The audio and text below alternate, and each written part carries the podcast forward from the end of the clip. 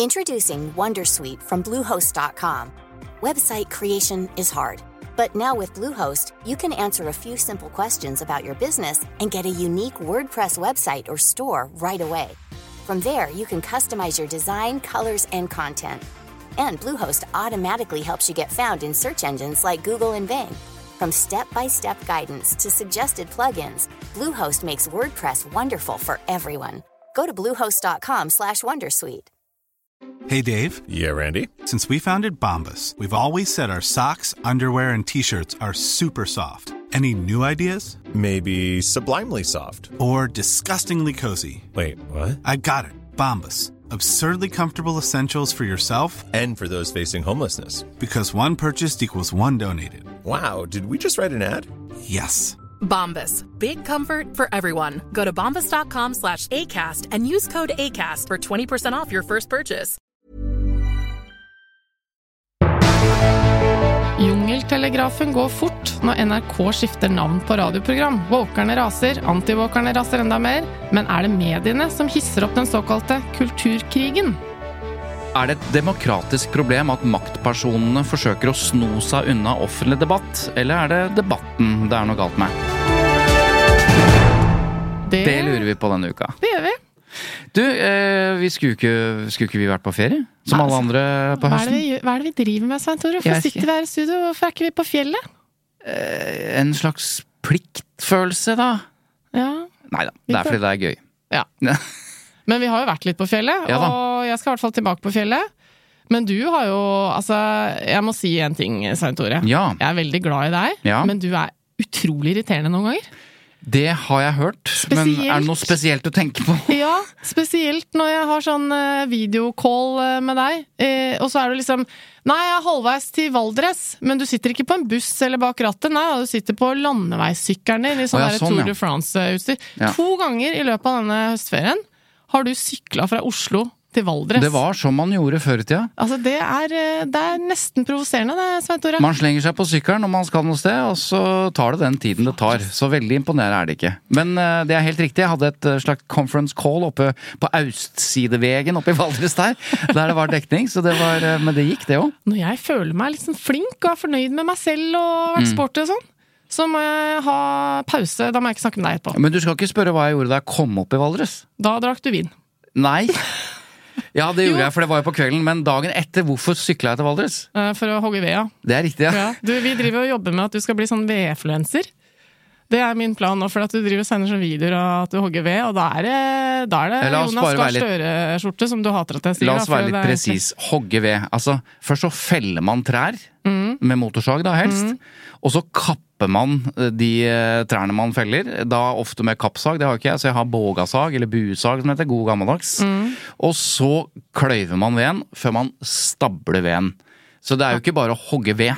Og hvis man, hvis man gjør dette her i litt sånn Ja. slow motion, Ja. og legger på litt sånn uh, musikk, og gjerne kanskje etter hvert eh, litt utover at man blir varm, uh, kjører litt sånn bar overkropp Da har man en. Instagram-konto. Det er helt riktig. Det, det kommer aldri til å skje. Å jo da! Ok, Men uh, ja, har vi, vi Skal vi gå rett på sak, eller? Rett på sak. Det burde vært navnet på denne podkasten, egentlig. Ja, Det skulle jo vært et annet navn. Husker du hva navnet på Tut og Mediekjør eh, Hva Du- jeg ville at det skulle være? Du hadde et eh, skikkelig kjedelig forslag. Husker du det? Nei. Medias metode. ja, men det var jo Du er ikke så god på alt, Svein Tore. Nei, akkurat der var jeg litt trøtt, antakeligvis. Så dere trumfa gjennom Tut og Mediekjør, så det er greit. Jeg kjøper den. Helt greit. Yes. Men Ja. Svein Tore, Ja. det er en ting som har slått meg denne uka her. Ja. Ytringsklimaet virker så vanvittig betent akkurat nå. Ja, jeg tenker ikke akkurat nå, men en stund har det vært sånn, har det ikke Ja, det? alle er liksom ute og raser hele tiden. Er det bare meg, eller eh, Altså, har jeg for mange ivrige samfunnsdebattanter i feeden min på Facebook? Eller er vi på en sånn all time high på, på liksom rasing? Jeg, jeg tror du har det òg. Altså det er mye folk som det, Algoritmene Du ser jo på det, du følger med på det. Og, Ja.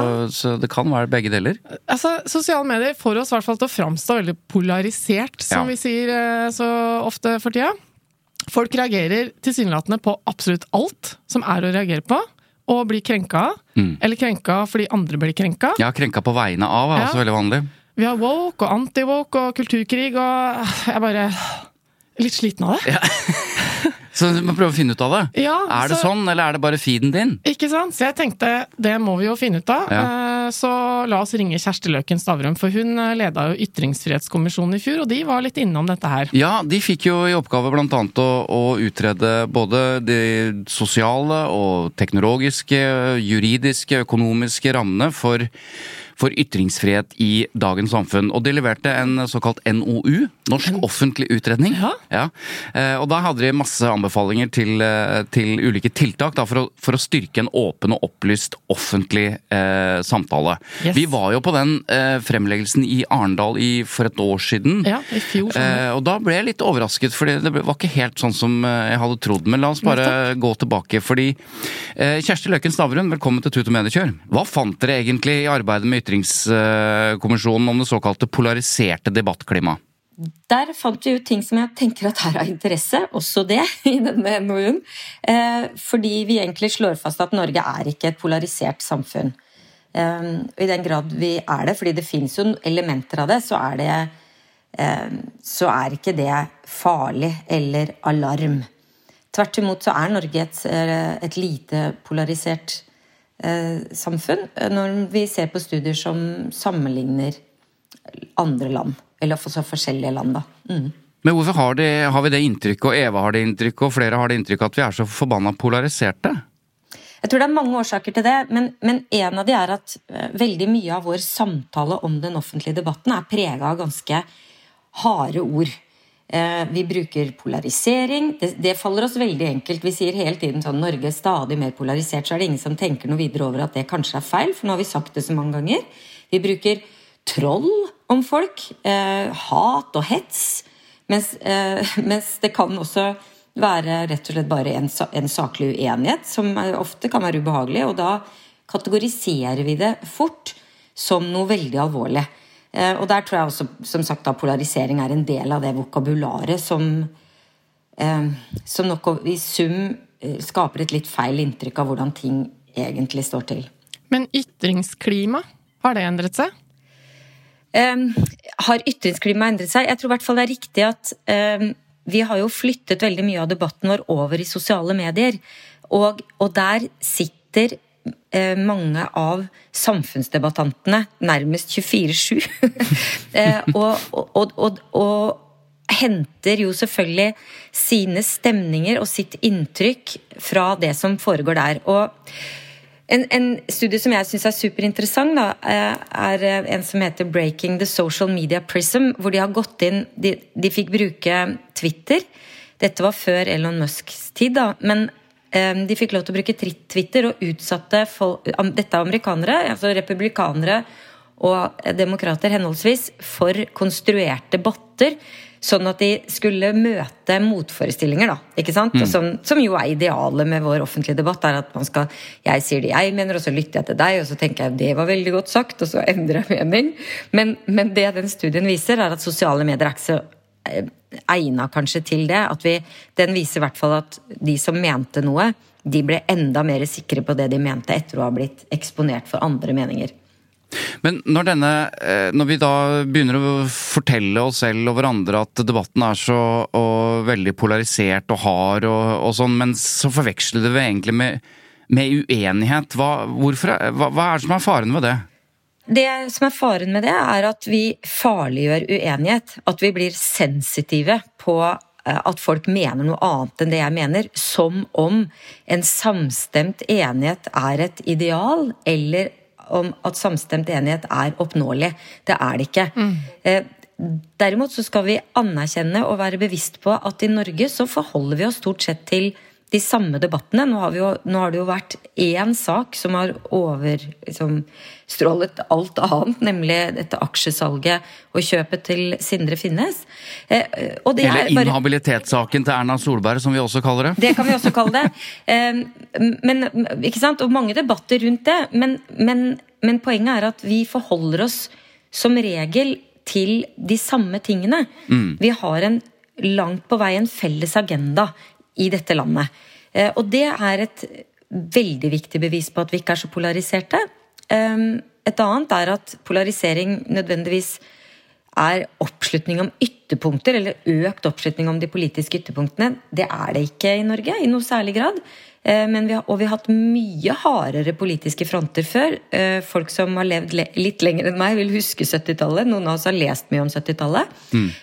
Og, og, vet at da, da gikk det for seg. Også på universitetene når vi nå snakker om at det er ikke sant, eh, Kulturkrig og Ja, kansellering mm. og alt på universitetene, da tenker jeg mm, 70-tallet var nok verre. Du, eh, vi, skal, eh, vi, skal, snart over og snakke om en sak hvor dette er veldig aktuelt. Altså hvor folk føler seg krenka over noe, eller i hvert fall krenka på vegne av noe. Og når mediene får ferten av at det er krenking og krenkorama på gang, så tar de opp telefonen og så ringer de de som de tenker er mest krenka, som vil si ting nå som spisser denne konflikten i ren eh, si, medial, tabloid tenkning. Hva slags ansvar har mediene for å, for å fremstille kulturkriger, eh, eller for å, for å yppe til kulturkrigen på, på den måten mediene jobber? Det syns jeg er et veldig interessant spørsmål. fordi at hvis du, hvis du, eh, journalistikk jo, skal jo være fri og uavhengig, ikke sant? Og at man, eh, eh, man skal utøve det dumme ordet kildekritikk. Eh, I hvert fall skal man være veldig bevisst på hvilke kilder man eh, velger. Og så er journalistikk noe annet enn meninger og kommentatorenes måte, analyser.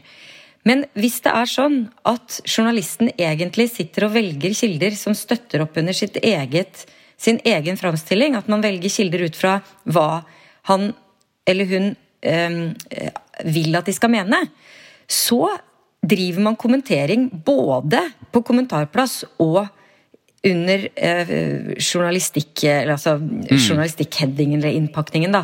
Mm. Eh, og det syns jeg, jeg, fortjener litt oppmerksomhet og bevissthet. Fordi eh, det er jo selvfølgelig helt eh, åpenbart at man skal prøve å sette sammen et panel med ulike meninger og sånn, men et eller annet stykke på vei så, så er det sånn, tror jeg, at man eh, velger ikke kilden ut fra at dette er en veldig smart kilde, som ofte har hatt rett, som eh, f.eks. Kahneman mener er det eneste grunnlaget man skal velge kilde på, nemlig har vedkommende hatt rett før. Eh, men, men, man velger rett og slett, man setter sammen eh, en, en fremstilling ut fra hva man har lyst til at de skal mene. Det var Kjersti Løken Stavrum det, som snakket om eh, denne mm, norsk offentlig utredning som de har lagd om ytringsklima. Og hun sier jo det at det er ikke så polarisert som kanskje vi får inntrykk av. Og så var det jo litt interessant dette med medienes rolle, da, Eva. Altså, ja. Hvem er det som egentlig har ansvaret for at uh, vi får et inntrykk av den polariserte woke kulturkrig osv.? Er det mediene? Nettopp. Fordi denne uka her så har jo NRK endra navn på radioprogrammet Jungeltelegrafen. Angivelig for ikke være belastende. I hvert fall eh, var det det som ble gjengitt i en kommentar eh, fra NRK i ja. Klassekampen. Og, og, når du sier Jungeltelegrafen, så kan jeg eh, vedde på at det er mange som ikke har hørt om det programmet. Men det er altså et program som, het, som har hett det i mange mange år. 80-tallet eller noe sånt? Jungeltelegrafen. Mm -hmm. Musikkprogram. Og, eh, og, da det jo Da leter man jo etter liksom, hva er årsaken? Er det bare fordi man trenger et nytt navn, eller hva, hva er greiene? Men, men, hva sier hun kanalsjefen for, for P2 da, Eva Midtun Leira? Ja, Hun sier til Klassekampen at uh, NRK ønsker å tydeliggjøre innholdet i NRK radioappen, at NRK nylig har lansert både Musikkrommet og Musikklivet og andre programmer, og at det nye navnet Musikkreisen dermed da blir eh, enda et program med musikk i navnet. Ja. Så det er hovedårsaken. Men altså eh, også kommentert at Jungeltelegrafen uh, kunne oppleves, altså navnet, uh, som belastende. Der! Ja, det er der det skjer. Ikke sant? For, at, for at, hadde de bare liksom sagt at Jungeltelegrafen, det er ikke intuitivt hva det handler om, så ja. det heter Musikkreisen. Ingen ville le på et øyelokk. Så gjør hun den kardinalfeilen og sier at ja, det er kanskje litt belastende det der navnet også, det er Jungel. Og der, altså, og da var det vel VG som plukka det ja, opp. Så og... sitere saken i VG og andre medier, ikke sant. Og da, da kan man i hvert fall få litt følelsen av at eh, Ok, det er i gang. Ja. Nå må vi finne noen som reagerer på dette. Ja, da, Og før mediene begynner å ringe, så reagerer jo The Usual Suspect på, på Facebook om at dette her er sensitivitetsgreier og NRK er verst av alle og sånn. Og da Denne er det, gangen var det ikke så overraskende. Dan Bichoy i Subjekt Kjetil Rollnes, antar jeg? Eh, ja, 100 sikkert. Ja, Og, Vebjørn Selbekk. Ja. Eh, Da- Ikke for å snakke noe nedlatende om Nei, men men, er de ikke, eh, er jo ofte aktive i debatten om eh, Nettopp. woke og anti-woke, da. Eh, Jeg ser at, eh, at eh, Dan Bøchoy sier eh, til VG fordi at nå ringer VG, eller når begynner mediene å le på seg, så da Ja. vet de hvem de skal ringe. Og da ringer de Dan Bichoy. og da sier han sitat Den humørløse offentligheten er vi er på vei inn i nå, tror jeg ingen faktisk ønsker seg. I Subjekt har vi kritisert utviklingen lenge. Jeg er glad stadig flere får øynene opp for woke og hva det gjør med oss, sier han. En ypperlig anledning til å snakke om Subjekt, selvfølgelig, og antiwoke, som han er opptatt av. Som han har snakket om i Tut og Mediekjør. Og så så jeg også at uh, Simen Bondevik, barnebarn av tidligere statsminister Kjell Magne Bondevik, han som er medlem av partiet Sentrum, han var ute og syntes det var så ironisk at det var antivåkere, som da Dan Choi og Selbekk og Rollnes, at det er de som føler seg krenka. Men det er, vel ikke, det er vel ikke sånn at de føler seg krenka, det er vel ikke derfor at de føler seg krenka at de sier ifra? Det er jo fordi de mener at dette her er gærent, da. Ja, man blir litt irritert på utviklingen. Er det ikke det? Jo, jeg antar det. Og så ser jeg også at uh, Arne Jensen, tidligere sjef for Redaktørforeningen, han sier da som et, som et svar til Bondevik, da. Bondevik synes å tro at alle som reagerer på krenkelseshysteriet, gjør det fordi de selv føler seg krenket. Det er en tilnærming som tyder på at man selv er grundig fanget i fella. Simen, it's a jungle out there, sier Arne Jensen. altså, man får denne pingpongen, da. Ja, det er det. Og det som er så interessant, er jo medienes rolle i det her, som er uh, vårt anliggende, da. Ja. Er det de som hisser opp den såkalte kulturkrigen? Mm. Eh, og en av de som eh, engasjerte seg i går i denne eh, saken, var jo Lisa SOL Knutsen, som skrev på Facebook at hun nok en gang ble oppringt av mediene på den vante jakten etter noen Mm. som er krenka i en sak. Sånn at de er i gang med runden for å finne ytterpunktene. Og hvorfor ringer mediene akkurat henne? Ja, det kan vi jo kanskje spørre om. Ja. Eh, la, oss, la oss snakke litt med Lisa her like godt. Lisa, velkommen til Tut og Mediekjør. Tusen takk. Veldig hyggelig å bli invitert. Hvorfor ringer mediene deg? Ja, altså Jeg tror jo eh, kanskje mediene ringer meg fordi jeg er nestleder i eh, en minoritetspolitisk eh, tankesmie som heter Minotenk. Eh, og så har jeg i tillegg skrevet en bok om rasisme, og nå snart om ca. to uker kommer det en bok om en måte begrepet woke og woke-debatten. Du skriver at de av oss som ikke gir journalistene det de vil ha, eh, altså bekreftelse på såkalt krenkelseshysteri, sjelden skaper de store overskriftene. Hva er problemet med det, etter din mening? Problemet med at de av oss som prøver å måte nyansere eller komme med liksom eh, svar som ikke er så liksom eh, harde som eh, man prøver å fremstille saken som, da, eh, de, de kommer altså Enten så blir ikke det tatt med i saken, eller så blir man litt sånn Ok, men da ringer vi noen andre. Eh, og i mange Som saker gir oss det vi vil ha. ja. Og i mange saker i samfunnsdebatten og i politikken generelt, så er det veldig viktig å få fram konfliktlinjene og motsetningene som finnes f.eks. mellom eh, ulike partier, og det, det har jeg forståelse for. Eh, men det er verdt å spørre om dette i mindre grad er hensiktsmessig i debatter om f.eks. rasisme, transrettigheter, kjønn, likestilling, eh, ikke minst klima. Altså, det, det er disse sakene som vi vet ut fra undersøkelser skaper veldig sterke følelser og reaksjoner. Og da tenker jeg at mediene burde være forsiktige med å bære ved til det bålet. Men du, eh, Lisa Esvold Knutsen i Minotenk. eh, Hva, jeg glemte å spørre, hva mener du om at NRK skifter navn fra Jungeltelegrafen til Musikkreisen? Har aldri tenkt på jungel, jungeltelegrafen eller jungel eller, altså, som noe eh, krenkende, og jeg har aldri hørt noen mene det heller. Takk til Lisa Esvold Knutsen, eh, som er nestleder i Minotenk. Tusen takk. Takk skal du ha. Det var jo ikke bare Lisa som, eh, som snakket om medienes rolle i dette, Eva. For eh, Friend of the Pod, som det så populært heter når man har hatt noe befatning med podden, Eivind Tredal, som vi har hatt som gjest, Ja. han, han skriver sånn Han er eh, en av de vi egentlig snakker om her, som stadig vekk er ute og mener noe Ja. om det meste. Han sier at I sosiale eh, medier. selv om ikke jeg har hørt på Jungeltelegrafen, eh, som 70-80 av de som engasjerer seg i dette, antar jeg, eh, og jeg forstår ikke helt hva som er galt med det gamle navnet, men heldigvis for media går det an å ringe rundt så man finner én eller to som er krenka. Mm. Og det er uhyre lett å finne folk som er sinte over at noen kan være krenka. Så har vi det gående. Til syvende og sist står det ikke noe særlig på spill, men alle får seg noen runder i studio. Ja, og det er jo litt sant. Og her sitter vi og snakker om det samme. Selv om dette egentlig kanskje er en ikke-sak, fordi de endret et navn, det må alle få lov til å gjøre.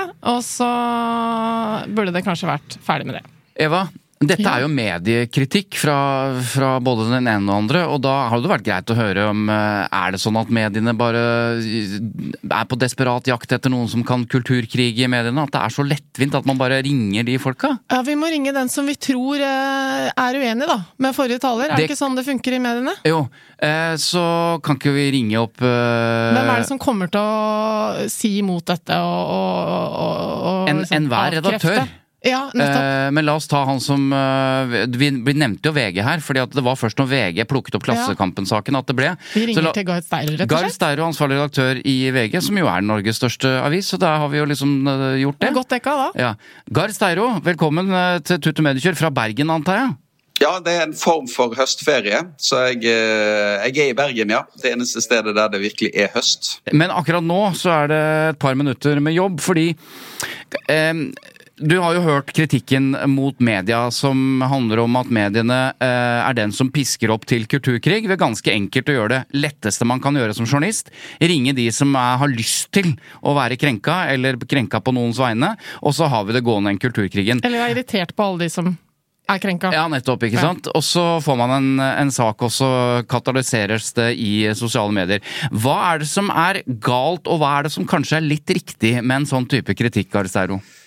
Jeg vet ikke om det er så mye riktig ved han. Altså, det, det som man kan spørre om, er om, man, om, om vi hauser opp saken. Sant? Om vi gjør for mye av den.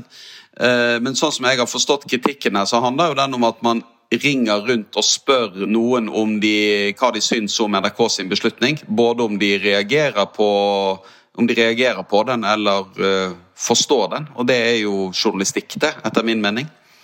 Samtidig så er det jo journalistikk også, og eksempel hvis virkeligheten er eh, slik som Kjersti Løken Stavrum sier den er, da, ut fra Ytringsfrihetskommisjonens rapport, at det er ikke noe særlig polarisert, det er ikke noe særlig kulturkrig, men det forsterkes av eksempel sosiale medier. Men eh, når man velger da kilder som man vet er på yttersiden og ytterkantene i den journalistikken, eller i den saken, burde man ikke funnet ut hvordan virkeligheten egentlig var, nemlig at eksempel Minotenk, som vi nettopp har snakket med, reagerer ikke på dette i det hele tatt, men selvfølgelig er det andre som gjør det. Altså, skjønner du, Valget av kilder og kildekritikk vil jo også dominere hvordan denne saken blir fremstilt. Ja, altså, men Jeg har litt problemer med å forstå kritikken. Altså, sånn som tenk, sånn som jeg oppfatter kritikken er, så mener de at dette ikke er en sak i det hele tatt. Det er nærmest sånn jeg opplever kritikken deres. Jeg mener jo at denne saken her, den, eh, den går inn i en litt større kontekst og en litt større sammenheng. Dette handler jo om måten eh, både kultur og språket vårt gradvis endres. Det kan man eh, ha ulike meninger om. Men at mediene ikke skal skrive om dette, ikke omtale det, den kritikken forstår jeg bare ikke. Det, det var jo ikke sånn at denne kritikken mot eh, NRKs beslutning, at man trengte VG for at den skulle komme ut i offentligheten, den kom jo forutsigbart nok og helt eh, korrekt ut med en gang. Og det å la denne debatten gå i mediene, eh, det syns jeg jeg synes det er helt naturlig. Og jeg, jeg, jeg har litt problemer med å forstå hvorfor, hva som er kritikken. her. Det er jo ikke mediene som har kalt dette en kulturkrig, er det det? Vi har vel først og fremst uh, altså vi har først og fremst NRK har tatt en beslutning med en todelt begrunnelse. Den har skapt uh, reaksjoner. Vi har videreformidlet de reaksjonene. Og så har man da prøvd å kontakte en del organisasjoner og personer og spurt om NRK har et poeng. Kan uh, ordet jungeltelegrafen, eller navnet jungeltelegrafen, oppfattes som problematisk. Er det problematisk? Jeg har ikke sett at vi har klart å finne det. Men ganske forutsigbart da, så kommer det en kritikk da mot mediene for å løfte problemstillingen i hele tatt. Og den mediekritikken inngår jo i den store debatten, da, som egentlig er en jeg vet ikke om dette er mediekrig. Det inngår bare i debatten om dette er en sak eller ikke. Ja, det metadebatt. Jeg oppfatter, oppfatter kritikken av mediene her egentlig en kritikk som en kritikk av uh, Dan Bichoy og andre som reagerer her. Mm, mm. Det har jo nesten flyttet seg over til det, at man irriterer seg over alle som er så antiwoke nå. Men hva tenker du om dette navnebyttet, Guide Steiro? Jungeltelegrafen, eh, syns du det var et fint navn? Eh, vet du, Jeg har absolutt ingen mening om det. Jeg klarer ikke altså, jeg, har, øh, jeg ikke hører på Jungeltelegrafen. Ikke klarer jeg å la meg Jeg klarer ikke å la meg provosere dette. Det er ikke et, i den ene eller andre, det er ikke et fiber i kroppen min som lar meg provosere dette. Men jeg synes debatten synes jeg, debatten syns jeg er ganske interessant. Jeg synes det er altså jeg, jeg synes debatten, Hvis du trekker denne debatten fra, liksom, fra litteraturen til Astrid Lindgren, via Roald Dahl, via debatten om uh, nasjonal uh, altså hvilke bilder som skal henges opp, det syns jeg, synes jeg er interessant. Og jeg syns det er også interessant at NRK da går ut med denne begrunnelsen på denne måten. Jeg syns jo det er en interessant debatt. Personlig så eh, Men jeg tror jeg, jeg er en hvit mann i 40-årene. Jeg, meg, jeg, altså jeg lar meg ikke provosere så veldig mye. Hallo, det er jo hvite menn i 40-50-årene som lar seg provosere av at noen blir provosert. Nå må du følge med her, Dette er metadebatten. Ja, men nå, men ikke, nå, må ikke du være, nå må ikke du plassere alle hvite menn i 40-årene i samme gruppe her. Du må ikke skjære all, oss alle over én kam, Svein Tore. Helt til slutt, Gahr Steiro. Jeg, jeg, føler det på meg nå at det blir mer en refleksjon enn et spørsmål. Men når du eh, sier at dere har ikke funnet noen som reagerer. NRK fant heller ikke noen som reagerte, selv om de prøvde Minotenk, som skriver og er opptatt av rasisme. Det er, så vidt meg bekjent, altså ikke en kjeft som reagerer på at det går fra at, at man liksom oppfatter jungeltelegrafen som belastende. Og, da og, så sier du debatten er interessant, eh, du finner ingenting eh, liksom støtende ved dette, ingen finner noe støtende ved dette, men det er klart at når Dan Bichoy og eh, Kjetil Rollnes og Selbekk får lov til å si at det er sensitivitetshysterie og krenkelseshysterie, når ingen egentlig er krenka, og mediene lager en sak på det, så kan man jo selvfølgelig diskutere med deg, Geir Steiro, ja, men det er jo en sak, osv. Men det er jo veldig mye som er sak, hvor du faktisk har to stykker som mener, eh, og som, hvor du faktisk har en uenighet om noe. Her er det ikke noen som mener at det er belastende med jungeltelegrafen, og det er bare en delforklaring som de har også. Så det er vel poenget mitt vet at hvordan havner vi i den ja, situasjonen? Du snur, på, du, du, snur, du snur jo det helt på hodet. Dette, dette er jo et kjempegodt poeng. Altså, Hvorfor skal de endre navnet på det programmet? Hvis det er absolutt ingen som på noe som helst måte lar seg støte av dette eller syns det er problematisk. Fordi det er ikke det er hovedbegrunnelsen. Skal... Hovedbegrunnelsen er at dette er ingen som skjønner hva dette programmet handler om når det heter Jungeltelegrafen. Ja, men det, det, det, er jo helt riktig at hvis de bare hadde sagt at vi syns Jungeltelegrafen er et uh, dårlig navn som ingen forstår, derfor så bytter vi navn på det og kaller det Musikkreisen, for vi syns det er mye mer catchy, så, eh, så hadde det vært en sak. Men, de, men NRK velger jo å gå ut og gjøre dette som en delbegrunnelse. Og da får de en reaksjon på dette fra noen som syns at dette er en veldig sensitiv begrunnelse. Og de som reagerer på dette, setter det inn i en større sammenheng. Der de ser på, reagerer på dette på samme måte som de reagerte da, da, da Roald Dahl sin eh, litteratur ble skrevet noe om, og som reagerer på en del andre endringer av språket vårt og kunst og kultur. Jeg tror, du, jeg tror du nesten dere bommer på saken her. Altså. For saken er ikke at noen lar seg eh, krenke. Jeg har ikke sett noen som har latt seg krenke av noen som helst i denne saken. Saken er at dette er en begrunnelse fra NRK for å endre et navn. Og Det fører til en del reaksjoner, og det er jo klart at det er en interessant debatt. Ja. Kardinalfeilen er jo eh, det eneste sporen til sak Jeg er jo helt enig med Gard her, det høres bare ikke sånn ut. Det eneste sporen til sak her er at NRK driter seg ut ved å si ja, men, at dette kan være belastende. Ja, Den det, delbegrunnelsen er, er, jo helt for det, for det første er det ikke det! Det er jo helt dust! Det jeg er litt interessert i, som jeg gjerne skulle visst, er det som Gard er inne på. Eh, at NRK velger å gå ut og gi dette som en delbegrunnelse. Jeg tror det bare er et arbeidsuhell. Ja, eh, og det er jo det som er greia her, at kanskje hele saken starter med at eh, hun snakker, hun redaktøren i P2 snakker med Klassekampen, og gjør en liten feil ved enten svare på et spørsmål eller la seg lede inn på dette temaet som ja, kanskje det også var Nettopp. litt krenk... Og du liksom, ser jo også NRK prøver å, å ro det tilbake, for når Mats Borch Bugge skal uh, forklare dette, som er musikksjef, så sier Ja. han bare Så har han jo den, bare Men den Jeg skulle begrunnelsen. likt å visst At det er musikk. om det sitatet kom uoppfordret fra P2, eller om det ble Om det er sånn, eh, Gard- Steiro, nå, blir dere, som medie... Nå, nå er dere på dere allers verste her. Nå er dere, dette, nå er dere, nå er dere sånn mediekonspiratoriske her. Dette svekker tilliten til media helt uten grunn. Altså, Dette er en veldig veldig enkel sak, mener jeg. NRK gir en begrunnelse for hvorfor de endrer navnet på et den radioprogram som knapt Du, Gard Steiro, vent nå litt Nei, men, men dette, Dette går er ikke større konspiratorisk. dette, går, dette er en del av en større debatt. Kjempeviktig, Ja, ja, jeg interessant hører du debatt. sier det. Det er Flere bør kjempe- engasjere seg i det. Vi har snakka med journalister Vent før, litt. så vi vet hvordan det ofte foregår. Du, det er ikke konspiratorisk å si eller antyde at Klassekampens journalist har spurt, har stilt et ledende spørsmål. Er, dere skifter navn fra Jungeltelegrafen til Kan det være muligens sånn også at noen kan oppfatte, vet Ja, ikke jeg, kanskje Jungeltelegrafen det Jungeltelegrafen kanskje kan være belastende? Og så sier hun ja, nei, jeg har ikke tenkt så veldig på det. Ja, kanskje det kan være belastende. Yes, vi har sitatet. Ikke kom og fortell at det er konspiratorisk tenkning i journalistikken, Gard. Da kommer jeg over fjellet og banker deg opp. Ned, da. Eh, nei, smått, smått konspiratorisk, men jeg ser du kan ha et poeng. La meg, la meg, da, la meg da trekke tilbake og ikke være krenket på vegne av mediebransjen fordi dere presenterte noe som kunne oppfattes konspiratorisk. Okay. Så jeg, skal, jeg, trekker det, jeg trekker meg tilbake fordi jeg ikke har tid til å få bank denne uken. Det er den ene tiden, selvfølgelig, selvfølgelig vi- det, kan, det kan da skje på den måten. Men, men la oss nå, la oss nå altså det jeg synes er at Dette er sånn veldig forutsigbart. Det oppstår en litt interessant debatt. Noen reagerer veldig sterkt. Og neste runde av den debatten, det er mediekritikken. den debatten. Sånn klassisk lag på lag. Alle skal få noe ut av dette lille sitatet fra NRK. Det skal Dan Bichoy, det skal Minotenk, det skal Tut og Medikjør. Alle skal få noe igjen. Og til slutt så sitter jeg igjen og må forsvare da eh, pressen på Og sånn går det nå, ja, hele pressen. Mediene er jo med en på sånn denne logikken. Jeg hadde Ja. håpet at du ikke knakk den koden der. Altså, dette er jo hele poenget med vårt livsgrunnlag. Dette er er, jo nettopp dette. dette er jo forretningsmodellen deres. Ja. Ja, men det er også samfunnsdebattenes forretningsmodell at mediene holder på akkurat sånn som du nå beskrev. Ja. Så dette er ikke bare mediekritikkpodkastene, dette er mediene generelt som bruker den logikken. Men tusen takk for at du allikevel, tross høstferie og diverse, eh, og at du ikke engang finner saken spesielt eh, interessant, veldig at du stilte opp, men eh, jeg skal rette meg.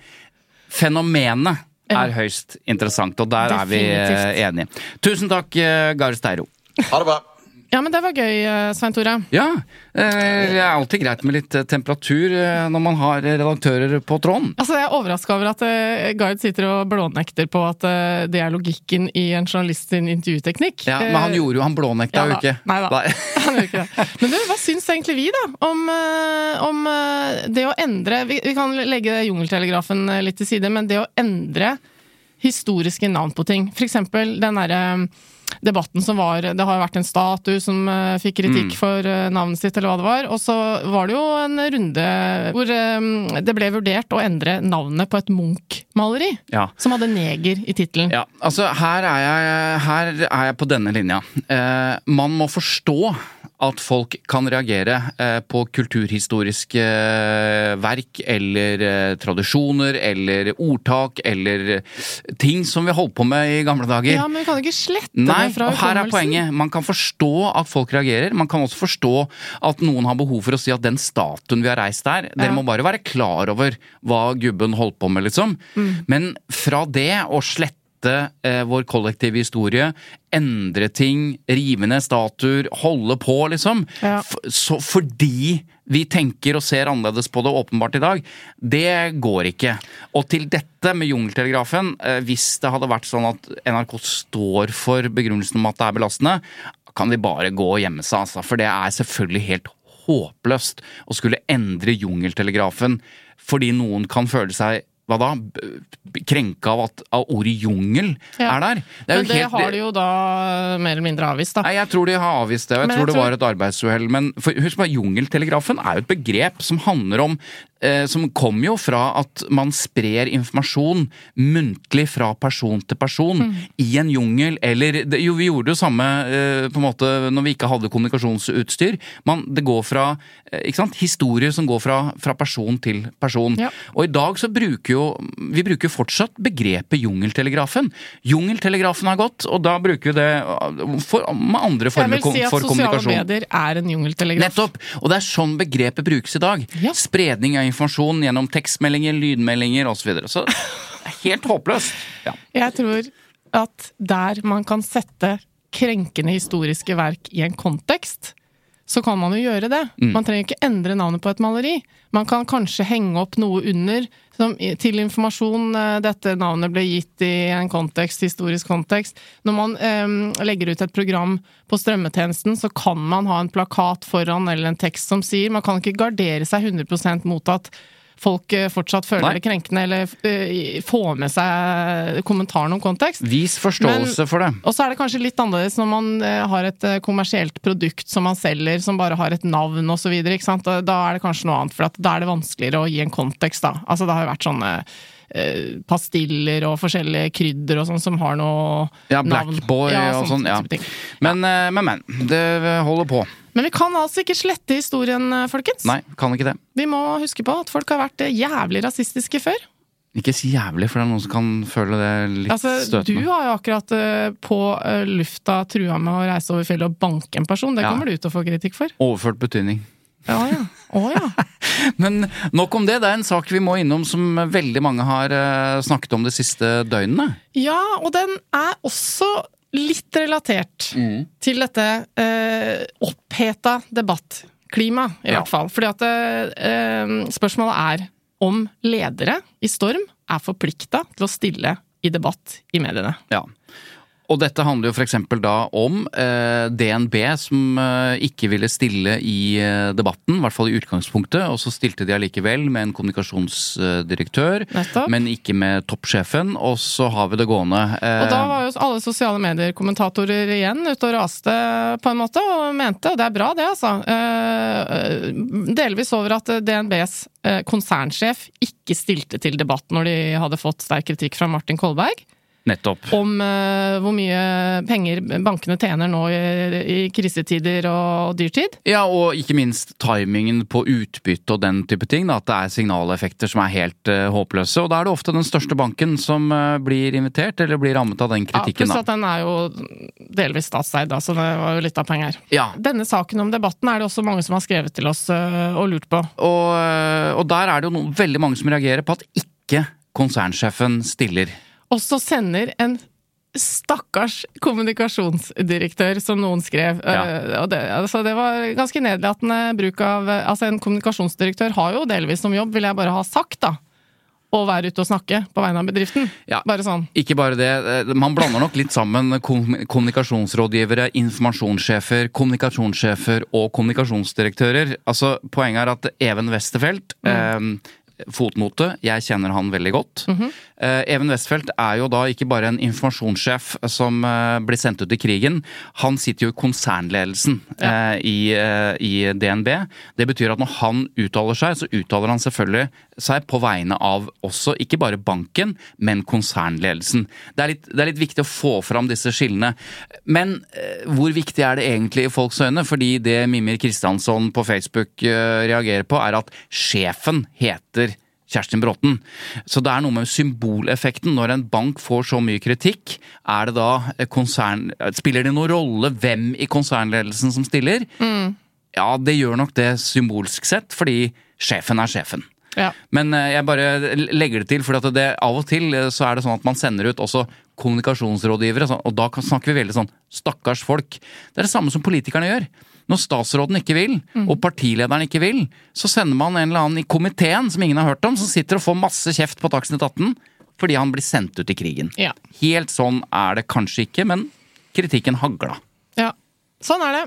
Men- det er jo det som er vurderingen når man sitter i en sånn ledergruppe, da. Hvem skal ta støyten i denne saken, og veldig ofte så er det vel da sånn at uh, hvis man ser at uh, her kommer vi sannsynligvis ikke spesielt godt ut av, det, så kan det være lurt å sende en annen enn toppsjefen. Men det kom også fram at DNB først sa nei til å stille Det er det det som tatt. er litt interessant uh, her, egentlig. Og så uh, stiller de, men de vil ikke stille i selve debatten. Mm. De vil bare uh, svare på spørsmål, og det kommer det også masse kritikk på. Ja, og anbefaler deg som hører på til å kikke litt på innledningen av den debatten. Da. Det, er, det er morsommere da å, å følge vår lille runde her.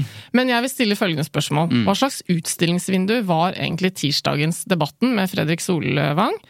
For å få politikere, ledere og kommunikasjonsdirektører til å tenke at de skal stille eh, når de får kritikk eller står i en storm. Men, hva mener du at det Nei, jeg mener, altså jeg syns det er interessant å observere. For det første, eh, i programmet så er en representant fra ledergruppa i DNB til stede. Mm. Men det brukes veldig mye tid på å gjøre et poeng ut av at ja, men først stilte dere ikke, og så stilte dere, så ser du at eh, Even står der liksom ja, ja, men Mm. nå er jeg her. Måtte han si et par-tre ganger. Og han var der ganske lenge. Det, Ja. det var masse spørsmål. Eh, og så gjøres det et poeng Ja, men eh, hvorfor ombestemte dere dere, liksom? Det er sånn eh, Nei, vi skjønte ikke helt at det handla så direkte om oss og sånn. Ja, mener du at henvendelsen fra oss var, eh, var svak? Ikke sant? Veldig sånn eh, Jo, men revolverspørsmål sa, men samtidig Ja. Så, La meg bare fullføre. Ja, fullfør du, Eva Sandum. Og så eh, etterpå så, så gjør han et veldig tydelig poeng av at eh, han har stilt et slags krav om at eh, han bare kommer hvis det er et én-til-én-intervju. Så han ble satt i studio, det sto sju andre klare til å snakke, og så ble han dratt inn i en debatt med Martin Kolberg. Men så gjør programleder det veldig tydelig at Men du har krevet at du ikke skal være med vi-» ikke? Jeg bare lurer på Altså, Jeg skjønner det, fordi at eh, gode debattledere får jo skryt når de stiller folk til, folk til veggs osv. Men det er også litt sånn er, Noen ganger så kan man jo sitte som leder da, og tenke hva fader får jeg ut av å stille her, hvis, jeg, hvis det er sånn det skal være? Hvis jeg blir kjørt på den måten. Ja, jeg, jeg forstår de begge perspektivene. Altså Bare til dette her med at jeg skjønner at Fredrik Solvang har behov for å fortelle folk Mm. hvor vanskelig det er å få folk i tale. Ja, at de, de ville ikke være med på dette. Og den opplysningen om at DNB ikke vil være med å diskutere eh, dette, Mm. er jo sentral. Det ville jo vært eh, naturlig i en skriftlig artikkel også å, å fortelle om liksom, litt Ikke prosess. oppnådd kontakt med- ja, ja, og så ringer de og sender en e-post eller sånn, ikke sant. Ja. For det, det, Skriver et skriftlig svar. man demonstrerer jo Ja. litt eh, gangen her. Og så, bare så det er sagt, da. DNB har jo også forklart hvorfor de ikke ønsker å gå i debatt med politikere. Og dette er litt formalistisk, men bare la meg ta det, for Ja, dette det er skjer he viktig. Mm. hele tiden. Det er at hvis en bank er over 30% statseid, altså staten er en veldig viktig eier, Mm. så er det helt vanlig kutyme å ikke gå i debatt med sine eiere. Nettopp. Det betyr politikerne. Og staten er jo da politikerne, og Martin Kolberg representerer Arbeiderpartiet, som også har statsministeren. Så egentlig så er det jo sånn, at hadde man gått i en knallhard debatt om, eh, om på en måte reguleringene, bankreguleringer og bank, altså hvordan banken skal styres fra staten, og diskutere det på debatten med en politiker, Ja. rent formelt sett eh, så forstår jeg den begrunnelsen, men igjen, de taper litt det, for folk driter jo i det. Altså, folk tenkte, men Den banken må jo kunne stå og forsvare hva de holder på med, selv om Martin Kolberg er der. Eller, så den der, den der at man ikke vil gå i debatt um, Ja, så var det jo en representant fra departementet der, men ikke Næringsdepartementet, Ikke som egentlig skal svare på det spørsmålet der. For de Også, ville ikke stille. Nei. Nei. Ikke sant? Men det ble ikke gjort like stort poeng ut av. Nei. Men kan vi ikke bare si at eh, det, altså, det kan jo være mange grunner til at eh, banker eller toppolitikere eller altså Jeg husker jo når Arbeiderpartiet ikke ville stille i en sånn fattigdomsdebatt, så skri, måtte de skrive en hel kronikk for å beklage beklage at de ikke stilte. Ikke Så, sant? Så ble det en ny sending så det er mange grunner til at man kan stille, men fasiten får man jo først Men etterpå, da. hva skjer når man ikke stiller? Ja, det Hos Fredrik Solvang så blir det ofte en tom stol eh, og et poeng ut av det, da. Ja. Eh, Og som du sa i skriftlige artikler, så blir det ofte poengtert osv. Mm. Men er det klokt? det er, det er helt umulig å vite før man vet uh, er på innsiden. Men det er klart at det som kan være et godt råd, som vi sjelden gir, men som allikevel kan være et godt råd, det er å bare dukke. Ja. Stå unna. Stå, Stå- han av. av. Vent til det blåser over. Fordi ting blåser over. Eh, Ikke alt. Erna Solberg-saken blåser ikke over. Men denne type sak blåser over. Og da er vurderingen skal vi stå der og se tjukke huet ut fordi at det er så komplisert dette at vi klarer ikke å vinne en sånn debatt. Det blir bare mas.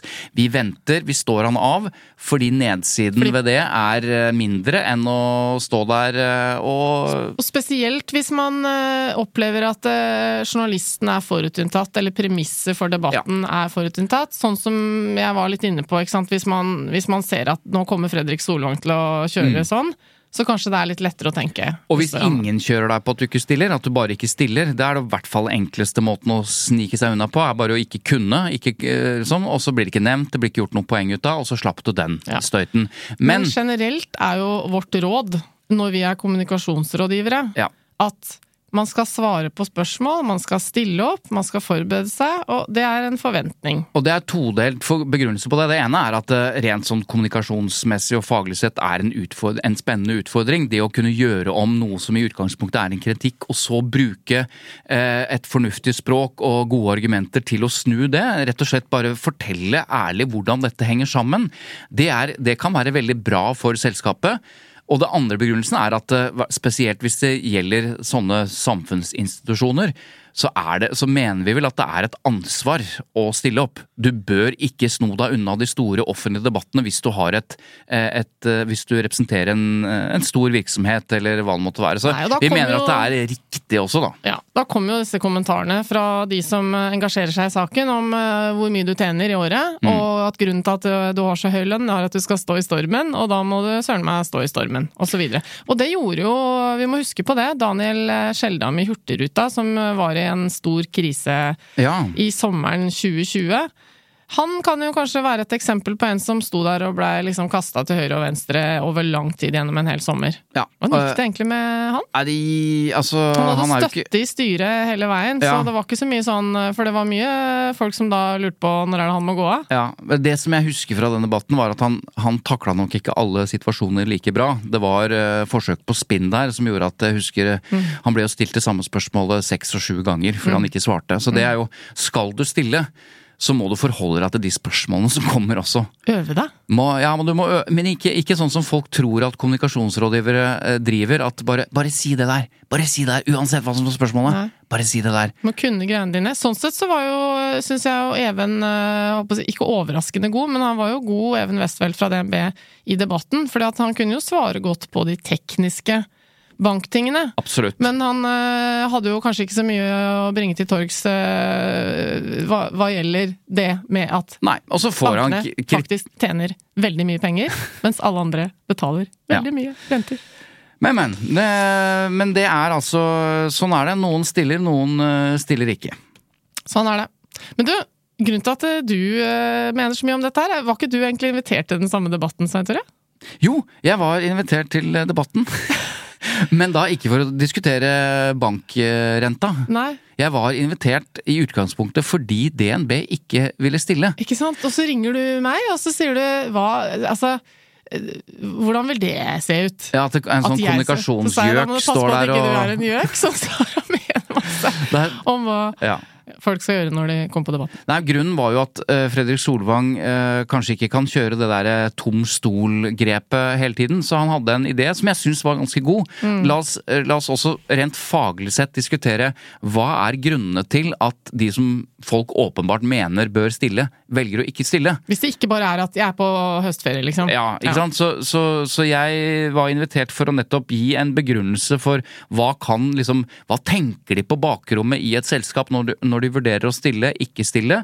Hva kan oppsidene være? Virksomhetsmessig, omdømmemessig, eh, liksom alt da, alle de vurderingene.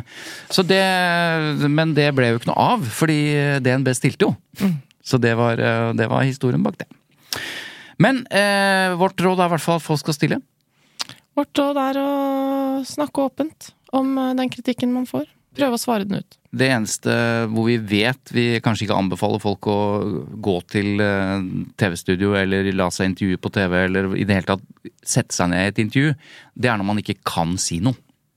Altså, det kan være en personalsak, det kan være sak som Du kan egentlig bare si dette kan vi ikke si noe om fordi osv., så, videre, så vil jo en del journalister fortsatt insistere på å gjøre intervjuet. Fordi de håper at de kan stille noen oppfølgingsspørsmål for å få deg utpå. Ja. Men når du ikke har noe du kan si Ja, det der syns jeg er litt kinkig. Der syns jeg ofte mediene kan opptre litt urettferdig. Uh, og med det så mener jeg at uh, når du er i en situasjon i en arbeidskonflikt eller har taushetsplikt, dette er jo også veldig relevant for leger og helseforetak osv., som ikke kan snakke om pasientene sine, så, så blir det litt eh, dårlig balanse i saken ofte, når de har en kilde som eh, kan gå ut og kritisere masse greier, og så har du den andre i andre enden som egentlig bare må kjøre ingen kommentar. Eh, Dette er eh, pri privat anliggende eller eh, taushetsbelagt. Ja. Samfunnet blir bedre, den offentlige debatten blir bedre hvis vi generelt sett kan, i hvert fall hvis du har et budskap, kan si noe, kan re rå redegjøre for dine standpunkter, så bør du stille i den offentlige debatten. Og så forutsetter at ikke den blir så hard og vanskelig at man skygger unna fordi man er redd for eh, hvordan dette blir. Erna tok jo en litt annen vending. Hun øh, holdt kjeft i en god stund. Og så tok hun denne runden sin, som vi kjenner så godt til. Og alle journalister ble så imponert over at hun klarte å holde ut så lenge. Så varte det bare så lenge, da. Og så er vi i gang igjen. Da er det jo et eksempel på at selv håndtering, eh, og det som etter hvert gikk fra å være en dårlig håndtering til beskrevet som veldig bra håndtering, at hun svarte ut alt, Ja. det holder ikke å håndtere saken. Så lenge det dukker opp sak etter sak etter sak, så hjelper det ikke å gjøre seg tilgjengelig eller, eh, ja, eller imponere med 18 intervjuer, for denne saken den bare fortsetter. Ja, og apropos det, den vil jo virkelig ingen ende ta. Og nå er det jo stadig flere som har har støtta egentlig Erna, sånn, kanskje bare med taushet, eller med noen øh, øh, få kommentarer øh, på Facebook osv., som snur. Ja, nå snur Så nå syns jeg jo kjente høyrefolk også, noen har vært ute og liksom Nå er det nok, nå må det gå av. Mm. Og så lurer jeg litt på Er det samsvar mellom hva befolkningen der ute tenker og mener om dette, Mm. og det som blir gjengitt eh, i kommentariatet og i mediene? Det lurer jeg litt på. Ikke bare denne saken, men og noen ganger så kan man få litt følelsen av at det liksom medie... Hva skal jeg si? Eliten, da. Har veldig sterke meninger som er fundert i veldig viktige demokratiske prinsipper. Og så, og så kan man lure litt på om folkerørsla Mm. egentlig kjenner så mye på de tinga. Og det må man jo måle, man må spørre folk. Og nå Ja. har man jo i hvert fall én måling som jeg så som kan tyde på det, da. Det var jo Ja, Nettavisen kjørte en uh, meningsmåling som var ute i denne uka her. Eh, og, og kunne vise til da, at et snaut flertall på 55,7 uh, faktisk mener at Erna Solberg skal trekke seg. Da. Så sånn sett så er det jo flertall som Men er det en sånn nettavismåling hvor du bestemmer selv om du skal svare eller ikke? Jeg tror det. Ja, Det er ikke helt Det er ikke de Nei. meningsmålingene jeg snakker om. Men det var en meningsmåling en, som kjøres hele tiden, er statsministermålingen. Mm. Og som er en, eh, en, en meningsmåling som er tatt opp etter de vanlige metodene. ikke sant? Man spør over 1000 mennesker og sånn. Eh, og der så man kraftig reaksjon, eller det som kan i hvert fall tolkes som det. Eh, for nå, nå er det veldig, veldig mange færre som vil at eh, Altså, det verken Erna Solberg eller Jonas Gahr Støre bør være statsminister. Der har jo tallene vært helt annerledes før eh, denne store tillitskrisen, og spesielt etter Erna Solberg-saken. Så der kan man i hvert fall eh, tolke som at eh, nå har folk tenkt at dette er ikke greit, liksom. Ok, jeg tror vi lar det være med det. Ja, vi har noen lyttespørsmål som vi skal spare til neste uke, for vi må rett og slett sette oss inn i det. Eh, Vi har fått Ja. et lyttespørsmål eh, Noen som er litt krevende. ja, Mm. blant annet eh, noen som har lest noe i svensk medie, medier som han syntes var veldig likt i norsk, og så tenkte vi er det bare en Selv om det ikke er kopi? samme mediekonsern. Mm. Ja, har de bare kopiert hverandre? Det Dette skal vi finne ut av. Det må vi finne ut av. Men, nå begynner vi å snakke i kor igjen. Det er jo Neste uke har vi en gjest. Ja, vi har Så- gjest. Ja, Det er bare å glede seg til. Ok, skal vi si hvem det er? Ja, Neste uke har vi Odd Isungset, som uh, har vært uh, holdt på å si, sjefen min i PFU i noen år. Ja. Uh, han var leder i PFU, og så har han jobba i både NRK og TV 2 og mange andre steder, men skrevet bok om William Nygaard-attentatet, altså selve saken som aldri har blitt oppklart. Ja. Og det har vært hans sak, eh, som han har båret rundt på i eh, årevis. I Han bæreposer, nærmest. altså, det jo, han har opptatt, vært opptatt, han var Han, første... han er den som kan mest om den saken. Ja. Eh, og han er dokumentarist, da, både som du sier har vært i, i flere kanaler. Jeg så blant annet at eh, Mats Nygaard, sønnen til William Nygaard som ble skutt. William Nygaard ble jo skutt. Mm. Eh, Han har også skrevet eh, en kronikk nå hvor han sier at dette er en justisskandale. Ja. Og da mener han jo fordi saken ikke er oppklart, til tross for at man egentlig nå vet hvem som gjorde det. Dette skal vi høre mer om Ja. eh, neste uke. Takk for eh, at Eva Sandum har avbrutt høstferien sin og kommet til studio. Takk for at Svein Tore har gjort det samme. Ja, takk i like måte. Eh, Eh, takk til Lydeproduksjoner, takk til alle dere som hører på. Og nok en gang, eh, bruk jungeltelegrafen til å eh, spre ordet om denne podkasten, som ikke har noen plattform å spre ordet på, annet enn eh, Facebook. Nettopp, og, og det vi gjorde et forsøk sist gang, det skal bli spennende å se, vi har ikke fått resultatet ennå. Vi, vi sa jo at hvis alle lytterne sier til sin venn, kamerat, hør på dette, Mm. så vil vi se en økning i lyttertall. De tallene har ikke kommet ennå, men vi gleder oss. Det gjør For det vi regner vi med at dere har gjort. Vi gleder oss alltid til tall. Ja. Men uh, ha en fin helg, da. I like måte, Svein Tore. Ha det. Ha det.